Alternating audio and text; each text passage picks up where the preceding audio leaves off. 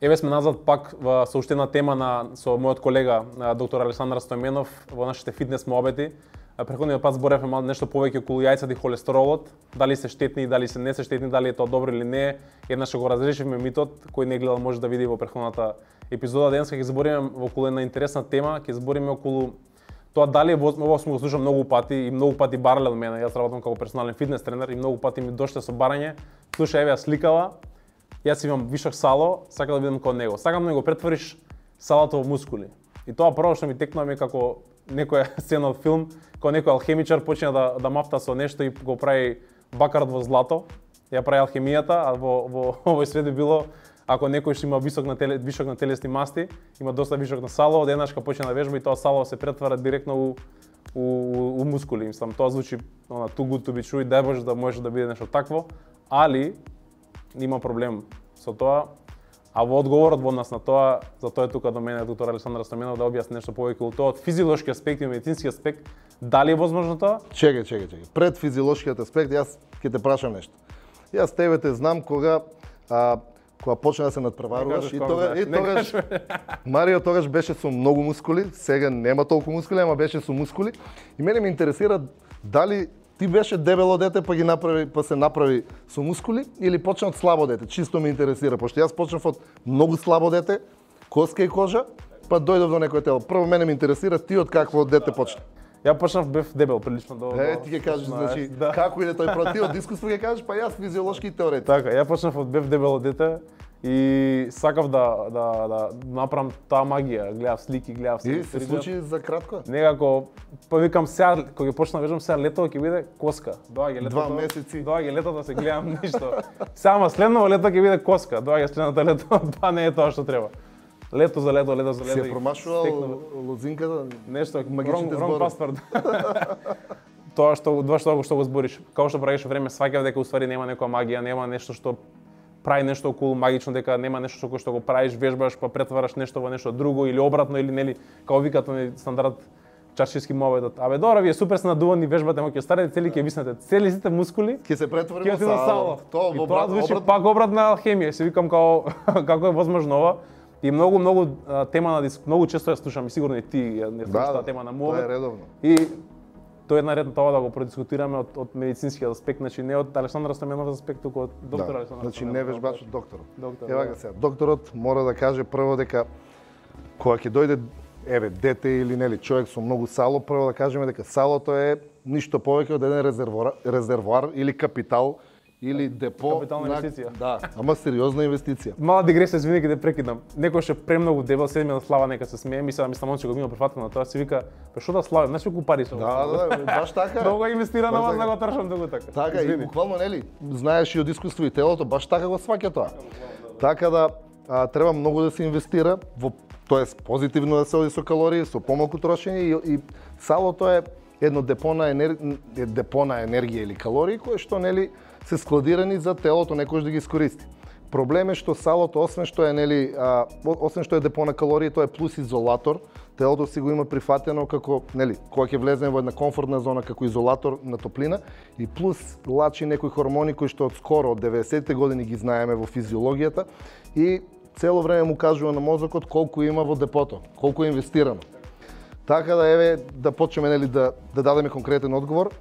Прво треба луѓето да расчистат дали сакаат а, не дека не може да се направи трансформација, еве ти си пример, значи може од дебело дете со тек на време да стане нели мускулес, Со низок процент на масти, Може, но тоа е процес. Во исто време, мислам дека е многу многу малку веројатно Особено за некој што не користи анаболички стероиди, некој што Да. тренира Зборуваме природно, нели за да, некој што тренира природно. така. Дури знаеш и сам дека и кога ќе и кога ќе влезе допингот во игра, тоа е многу многу тоа е една ограничена работа, заради тоа што тоа се практично два спротивни процеси. За да го стопиме салото, треба да креираме едни услови во организмот, треба да трошиме калории, а за, да- за да правиме мускули, треба да направиме нешто комплетно. Па нели тука доаѓа во предвид и позитивниот азотен баланс, внесот на протеини во кој ќе ги објасниме Така, нели натаму. влеземе на да, на така. Да. Така да таа трансформација, а, знаете и сам знаеш како е. Што им кажуваш на клиентите? Треба да уживаш во процесот, да се внесеш во процесот за на крај да дојдеш до резултатот и ако го чекаш резултатот, Сам по себе нема да да, ќе се научиш на чекање и ќе чекаш редовно. Така да физиолошки во исто време ај кај почетниците до негде компетитивно нели телото ќе зајакнува и ќе слабе. Ама тоа не може да биде онаа нели дефинитивна чирибу чириба трансформација. Е сега мене ме интересира пошто јас повеќе работам со пациенти. Кај мене ова е малце подлог процес, мене ме интересира со клиентите. А, кога веќе спомнавме на ваква тема, тука мислам дека и психолошкиот момент а, треба да го подискутираме. Колку се они колку се они истрени во во во тоа што ти ќе им го кажеш, нели пошто ти си искрен, ти не му викаш дека за еден месец ќе го направиш од мускул, мускулите ќе ви станат до сало. Така. Колку се они истрени фактички? Видел моје искуство, а, тоа е интересно. А, многу многу многу голем дел случаевите тоа што викаш психолошка спрема за некој дали ќе ќе биде а, успешно тоа да го прифати процесот дека тоа што го збориме е вистината дека салото не може да се претвори во мускули и мускулите не може да се претвори во сало. Нели некој да го преса да го прифати тоа, тој има као момент дека екшо ли треба да вложи труд да, ама, да создаде таа. Да, ама овде пишува дека може на тој на некој портал или негде му каже еден дечко ми каже теретана со големи бицепси дека може да направам, абе слушај, земи го ова, прави го вака ќе направиш салото ќе претвори во мускули.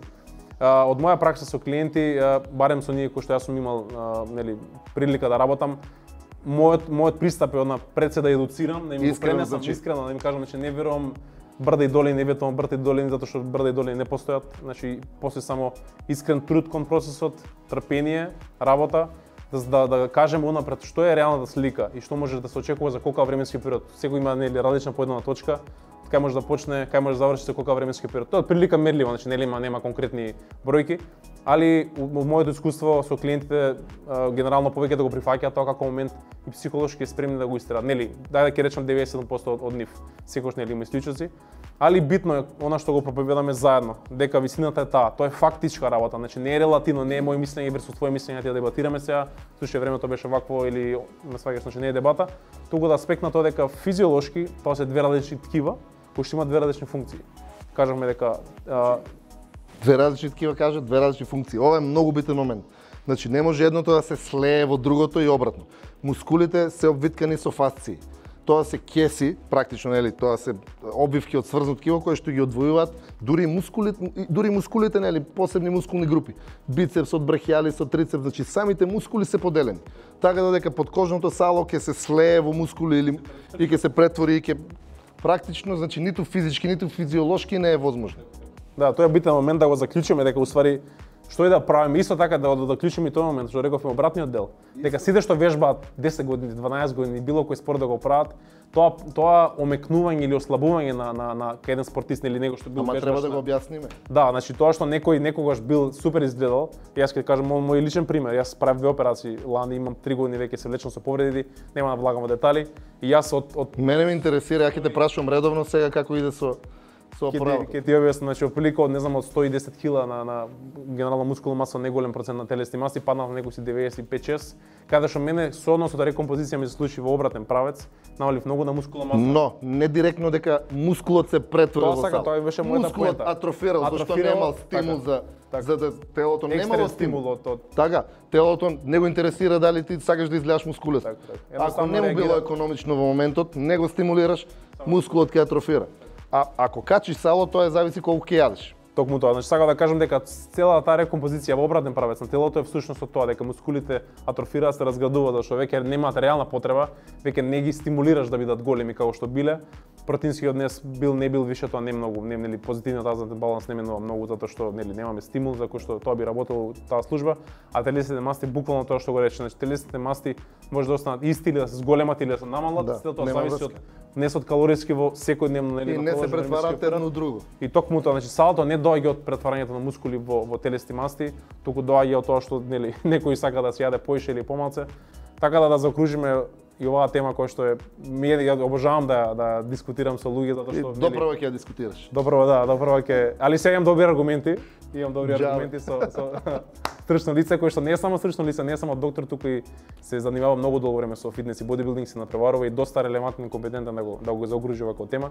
Така да да заокружиме дека не се плашете, фаќете теговите, тоа сало што го имате не да се надевате дека се претвори мускули. Исто така ако вежбате изгледа супер на 27, 8, 30, дека на 60 кога дојдете ќе ви цели виснати и со сало.